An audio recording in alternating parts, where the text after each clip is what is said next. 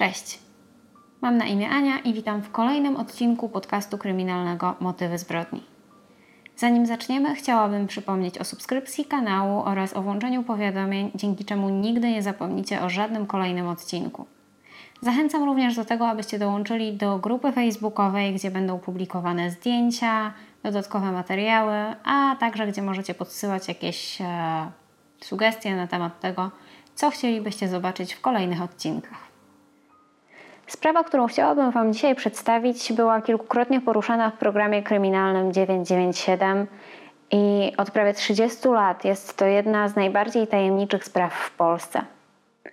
Mimo tego, iż rodzina i bliscy osoby zaginionej mają dość silne podejrzenia co do tego, co wydarzyło się pewnego listopadowego wieczoru 1992 roku, to brakuje dowodów, aby w jakikolwiek sposób móc to potwierdzić.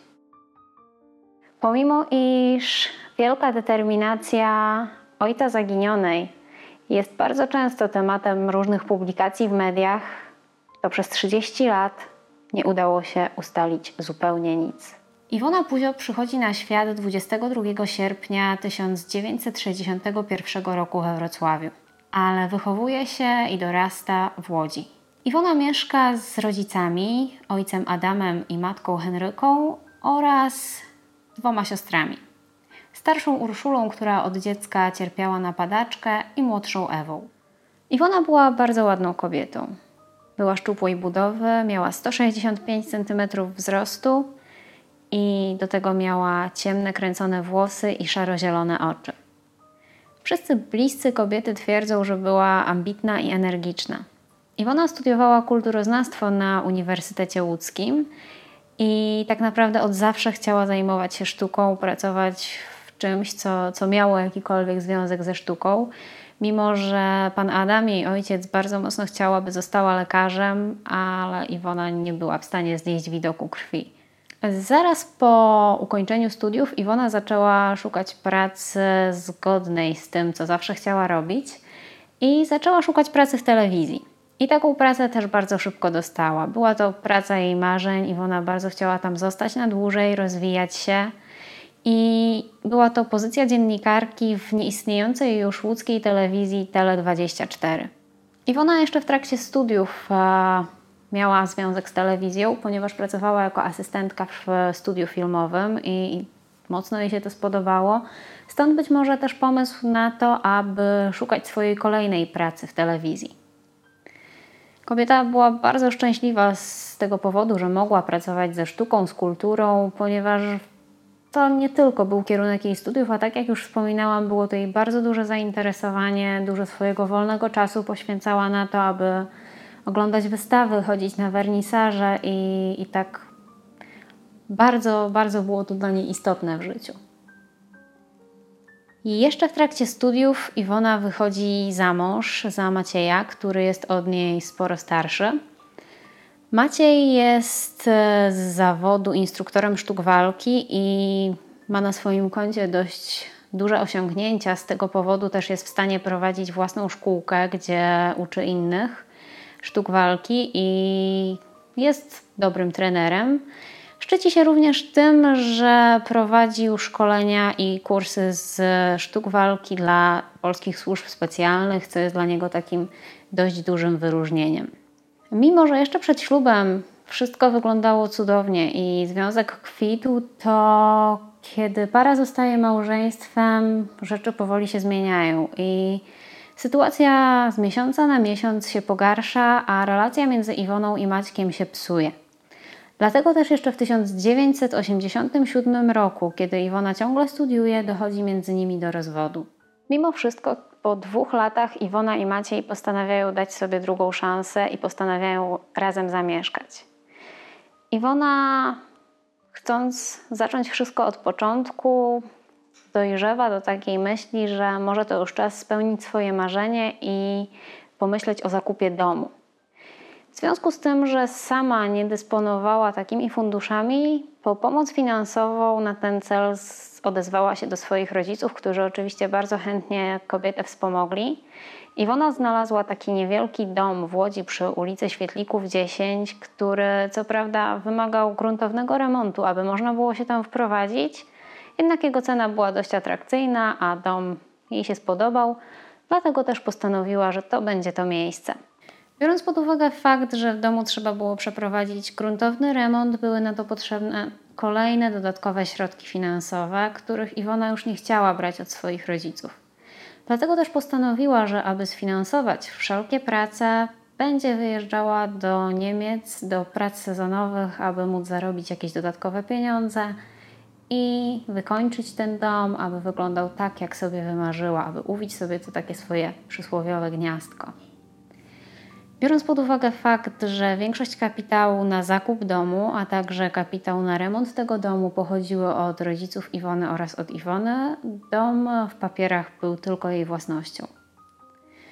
Kiedy stan domu już pozwalał na to, aby mogli się tam wprowadzić, e, Iwona wraz z Maciejem przeprowadzili się do tego domu, mimo że ciągle trwały jakieś prace remontowe – i kiedy Iwona wyjeżdżała za granicę, aby zarobić kolejne pieniądze na kolejne remonty, na kolejne ulepszenia, wtedy Maciej pilnował tego domu, pilnował robotników, prac budowlanych i dbał o to, żeby wszystko szło tak jak trzeba. W 1992 roku Iwona powoli zaczęła zastanawiać się nad tym, aby porzucić te wyjazdy do pracy sezonowej do Niemiec aby skupić się na swojej dziennikarskiej karierze tutaj w Łodzi, może powoli pomyśleć o założeniu rodziny, zacząć cieszyć się tym, co ma. Remont jej domu dobiegał praktycznie końca. W 1991 roku ukończyła studia, zdała magistra i tak naprawdę to był dobry moment, aby powoli zacząć żyć życiem tu i teraz, a nie, nie ciągle jeździć i czekać, aż wszystko będzie dopięte na ostatni guzik. Iwona wspominała swoim bliskim, że jest już troszeczkę zmęczona tymi wyjazdami, rozłąką z bliskimi. Było to dla niej takie dość trudne przeżycie. 10 listopada 1992 roku, kilka minut po 8 rano, do domu Iwony przyjeżdża jej ojciec, pan Adam. Mężczyzna właśnie wrócił z podróży służbowej do Jugosławii, gdzie jeździł handlować i postanowił, że pierwszą rzeczą, jaką zrobi, to, to będą odwiedziny u jego ukochanej córki. Swoją drogą Iwona miała bardzo duże wsparcie w swoich rodzicach, bardzo pomagali jej przy remoncie, jej ojciec doradzał, co zrobić, jak zrobić, co będzie lepszym rozwiązaniem. Często też pomagał fizycznie przy różnych pracach i mama również bardzo mocno ją wspierała w trakcie tego remontu. Więc tutaj na pewno trzeba przyznać, że rodzice byli bardzo dużym oparciem dla Iwony. Kiedy mężczyzna wszedł do domu przy ulicy Świetlików 10, w którym trwał remont, Iwona chodziła po domu. W kominku tlił się ogień. Postawił na stole szampana, którego przywiózł dla swojej córki, bo wie, że bardzo lubiła ten trunek.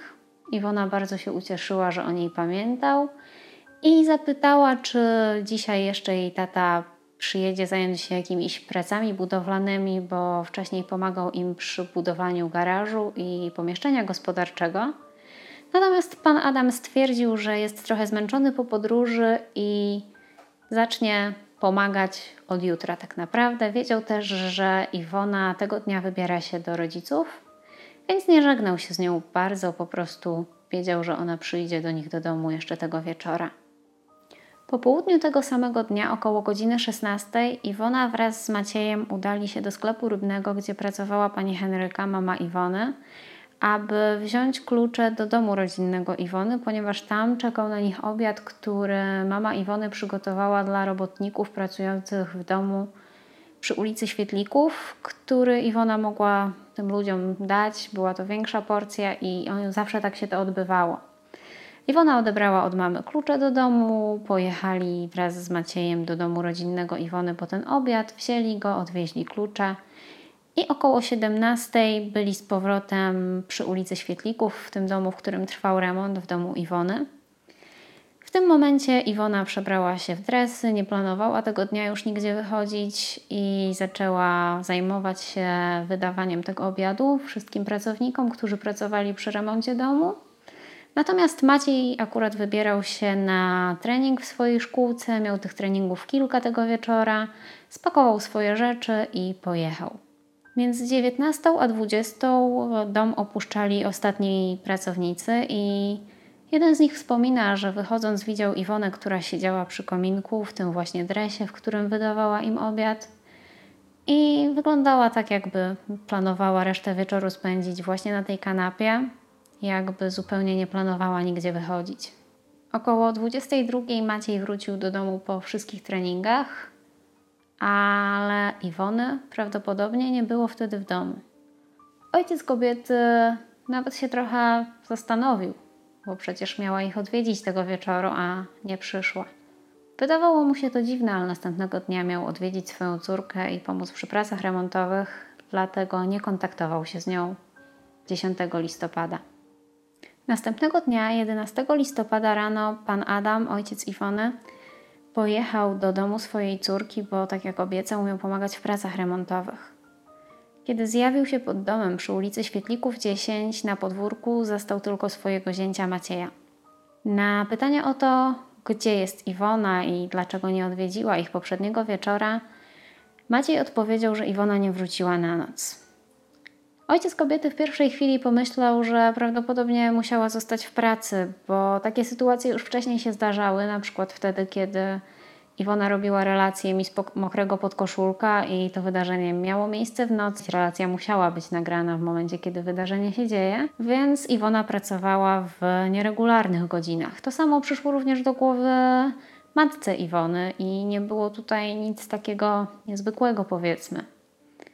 Natomiast kiedy kolejnego dnia, 12 listopada, ojciec Iwony pojawia się w jej domu, tym razem dowiaduje się, że Iwony nie ma, bo wyjechała do Niemiec.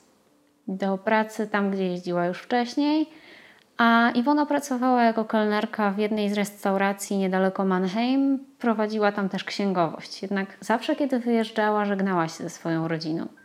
Nigdy nie wyjeżdżała, nie informując nikogo o tym. Rodzina dość sceptycznie podeszła do tej informacji, jednak Maciej przekonywał wszystkich, że Iwona pojechała na tydzień, za tydzień wróci i powiadamianie policji o tym, że zniknęła, tylko przyniesie jej wstyd, kiedy ona wróci do łodzi i wszyscy będą jej szukali. Dlatego też rodzina dała się przekonać i nie zgłosili zaginięcia na policję od razu. Maciej powiedział również, że z domu zniknęło trochę rzeczy, takich jak paszport, spora ilość ubrań, a, a także dywan, co jest tutaj takim dość ciekawą rzeczą, bo jednak jak wyjeżdżamy gdzieś, to raczej nie bierzemy ze sobą dywanu. Natomiast ten dywan zniknął. Jednak to wszystko, to, to co powiedział mąż Iwony, były mąż Iwony, a także te rzeczy, które zniknęły, spowodowały, że rodzina nie chciała podejmować tego ryzyka i jednak postanowiła chwilę zaczekać bo pomyśleli, że może faktycznie córka podjęła taką, a nie inną decyzję i za tydzień wróci. Kiedy minęło 9 dni od zaginięcia Iwony, jej rodzina postanowiła nie czekać już dłużej na to, że być może Iwona wróci i postanowili zgłosić zaginięcie Iwony Mogiły Lisowskiej na policję. Zresztą ojciec, pan Adam, żałował, że jednak nie zrobił tego dużo wcześniej. Mimo tego, że rozpoczęły się poszukiwania Iwony, nie udało się odnaleźć zupełnie nic. Nawet jako ciekawostkę tutaj można dodać, że nie udało się znaleźć ubrań, w których kobieta była ostatniego dnia widziana. Zupełnie żadnych śladów po Iwonie nie udało się odnaleźć na początku śledztwa. Pan Adam zdecydował, że sam pojedzie do Niemiec, aby dowiedzieć się czegokolwiek. Jeżeli Iwona faktycznie tam wyjechała, to będzie, będzie może w stanie znaleźć jakieś informacje, może ktoś ją widział w miejscu, gdzie pracowała. I tak też zrobił. Natomiast wyjazd ten nie, nie pomógł znaleźć żadnych informacji, które mogłyby w, jakiś spo, w jakikolwiek sposób pomóc w rozwiązaniu tajemnicy Iwony. Swoją drogą hipotezę o wyjeździe do Niemiec również dość szybko obaliła policja, ponieważ w tamtych czasach było bardzo łatwo sprawdzić, czy ktoś przekraczał granicę polsko-niemiecką. Pamiętajmy, że w 1992 roku, kiedy nie było strefy Schengen, wyglądało to trochę inaczej. Pan Adam tak samo jak i cała rodzina, nie do końca wierzyli, że Iwona mogłaby zniknąć sama z własnej woli i tak naprawdę nawet się nie pożegnać. Iwona właśnie mogła rozpocząć to swoje wymarzone życie. Skończyła studia, dostała wymarzoną pracę, remont domu, tego jej wymarzonego domu właśnie dobiegał końca. Nie musiałaby już jeździć do Niemiec, aby zarabiać pieniądze na te remonty i tak naprawdę mogła zamieszkać w domu, rozwijać swoją karierę dziennikarską, budować nową rodzinę. I absolutnie nie wydawało się to nikomu z jej bliskich momentem, kiedy kobieta mogłaby to wszystko zostawić i wyjechać. Takim najbardziej przełomowym chyba momentem, kiedy rodzina zrozumiała, że prawdopodobnie wydarzyło się coś złego, były święta w 1992 roku. Kiedy Iwona nie odezwała się do nich w te święta, nie zadzwoniła z życzeniami, nie dała znaku życia, byli prawie pewni, że ich córce przytrafiło się coś niedobrego i i wszyscy wiedzieli, że Iwona przy tym, jaka była rodzinna, jak bardzo za nimi tęskniła za każdym razem, kiedy wyjeżdżała do Niemiec, nie mogłaby się tak zachować. Policja prowadziła śledztwo dość opieszale, ponieważ dopiero po czterech latach od zaginięcia Iwony, od zgłoszenia zaginięcia Iwony, policja przeprowadziła jakiekolwiek badania kryminalistyczne na terenie domów przy, domu przy ulicy Świetlików 10. Użyto wtedy kamer termowizyjnych, ale jednak umówmy się, 4 lata to dość, dość długo. W międzyczasie prokuratura rejonowa Łódź Bałuty, która zajmowała się tą sprawą, około 20 razy wznawiała, umarzała śledztwo w sprawie Iwony. I tutaj wielka determinacja jej ojca, który odwoływał się od każdej kolejnej decyzji prokuratora a także interweniował nawet w Ministerstwie Sprawiedliwości, aby w jakikolwiek sposób uzyskać tę sprawiedliwość dla swojej córki i dowiedzieć się, co się tak naprawdę wydarzyło. Po konsultacji z kilkoma jasnowidzami, pan Adam uzyskał informację, że prawdopodobnie nie uda mu się odnaleźć jego córki całej i zdrowej. Powiedziano mu, że, że być może może znaleźć jakiekolwiek ślady na podwórku. I biorąc pod uwagę tę sugestię, pan Adam przekopał koparką całe podwórko domu przy ulicy Świetlików. Wszystko, zupełnie wszystko było rozkopane. E, szukał także w domu, zrywał podłogi, po prostu demolował prawie ten dom, bo myślał, że gdzieś w ścianach, pod podłogą, gdziekolwiek będzie w stanie znaleźć jakikolwiek ślad, jakąkolwiek informację być może o tym, co się wydarzyło z Iwoną w listopadzie 1992 roku. Poszukiwania te dały pewien efekt, ponieważ po przekopaniu całego tego podwórka pan Adam odnalazł wszystkie te rzeczy, które Iwona rzekomo zabrała ze sobą do Niemiec. Były tam zakopane ubrania Iwony, a także ten dywan, który zniknął z, z salonu w domu przy ulicy Świetlików. Niestety nie udało się ustalić ani kiedy te rzeczy zostały tam zakopane, ani kto to zrobił. Kolejny z jasnowidzów, z którymi rodzina pani Iwony miała kontakt, powiedział im, że warto zwrócić uwagę na, na szambo, które było zbudowane obok domu. I to też wzbudziło lekkie podejrzenia, ponieważ od razu po zaginięciu Iwony jej mąż Maciej wylał tam beton i tutaj włączyła się policja, rozpoczęło się od nowa śledztwo i, i przeszukanie tego terenu. A okazało się, że odnaleziono tam szczątki, które po zbadaniu okazały się zwierzęce, więc śledztwo znowu stanęło w martwym punkcie i, i znowu nie było wiadomo zupełnie nic. Ani rodzice, ani siostra Iwony nie wierzą w to, że mogła tak po prostu wyjechać i się do nich przez tak długi czas nie odezwać. Iwona bardzo często wspominała, jak bardzo przeżywa tą rozłąkę z rodziną, kiedy jest w Niemczech, i mówiła też otwarcie o tym, że dla niej te wyjazdy do Niemiec i rozłąka z rodziną może trwać maksymalnie kilka miesięcy, że dłużej po prostu by tego nie zniosła. Pan Adam kontaktował się również z innymi jasnowidzami i niestety żaden z nich nie dał mu tej nadziei. Większość powiedziała, że prawdopodobnie nie odnajdzie swojej córki całej i zdrowej. Jeden z jasnowidzów przedstawił taką hipotezę, że tego wieczora Iwona brała kąpiel i do łazienki wszedł wysoki mężczyzna, który zrobił kobiecie krzywdę. Kilku kolejnych jasnowidzów podawało konkretne lokalizacje, gdzie należy szukać jakichś znaków, jakichś informacji. Jedną z takich lokalizacji był Zalew Sulejowski. Pan Adam oczywiście wynajął płetwonurków, którzy mieli przeszukać to miejsce, ale okazało się, że niczego tam nie znaleźli. Kolejne były lasy pod Tomaszowem Mazowieckim. Wskazywano również na część Łodzi, czy też cmentarz żydowski przy ulicy Brackiej w Łodzi. Mimo, że nie było żadnych dowodów na to, że Iwona nie wróci już cała i zdrowa, pan Adam w pewnym momencie zdecydował, że wystąpi z wnioskiem o uznanie swojej córki za zmarłą, ponieważ to pozwoliłoby mu uregulować pewne sprawy urzędowe i po prostu ułatwiłoby wiele rzeczy. I sąd taki wniosek rozpatrzył pozytywnie w 2005 roku, a za datę śmierci uznano 31 grudnia 2002 roku. Nie wiem zupełnie z jakiego powodu wybrano taką datę, ponieważ ona tutaj nie jest w żaden sposób znacząca, ale może była to jakaś data umowna.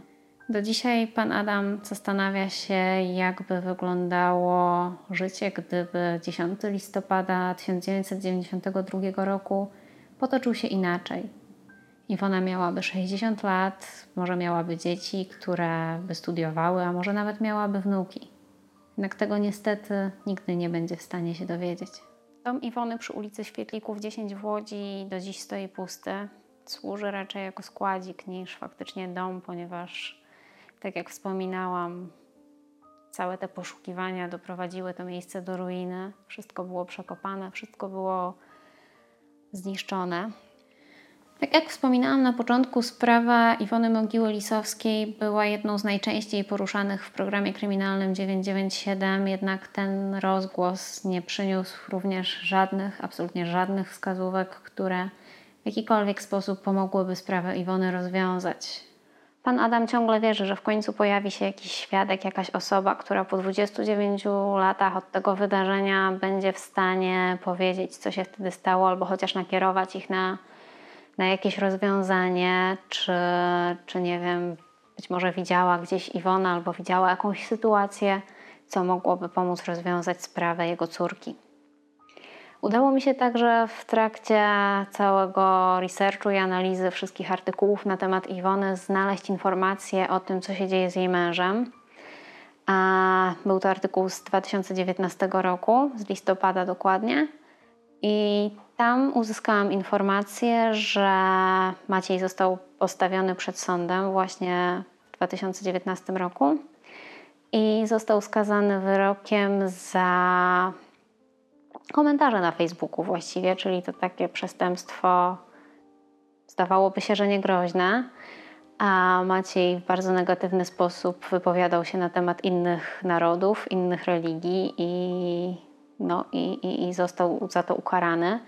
Artykuł ten dotyczył również zaginięcia jego żony Iwony Mogiły-Lisowskiej, stąd udało mi się do takiej informacji dotrzeć. I ten artykuł podrzucę Wam na grupie na Facebooku więc możecie sobie przeczytać i zobaczyć, jak to wszystko wygląda. Kochani, to już wszystkie informacje, jakie udało mi się zdobyć na temat sprawy zaginięcia Iwony Mogiły Lisowskiej, sprawy, która ciągle żyje w związku z tym, jak bardzo zdeterminowany jest ojciec kobiety, aby dowiedzieć się prawdy na ten temat. A jeśli znacie jakieś inne wątki, inne informacje, dajcie znać w komentarzach. Na pewno wszyscy chętnie o tym przeczytamy. I dajcie znać, co Wy sądzicie na temat tej sprawy, czy ją znacie i jaka hipoteza według Was jest najbardziej prawdopodobna. Dziękuję za obejrzenie odcinka do końca. Dbajcie o siebie i do zobaczenia. Cześć!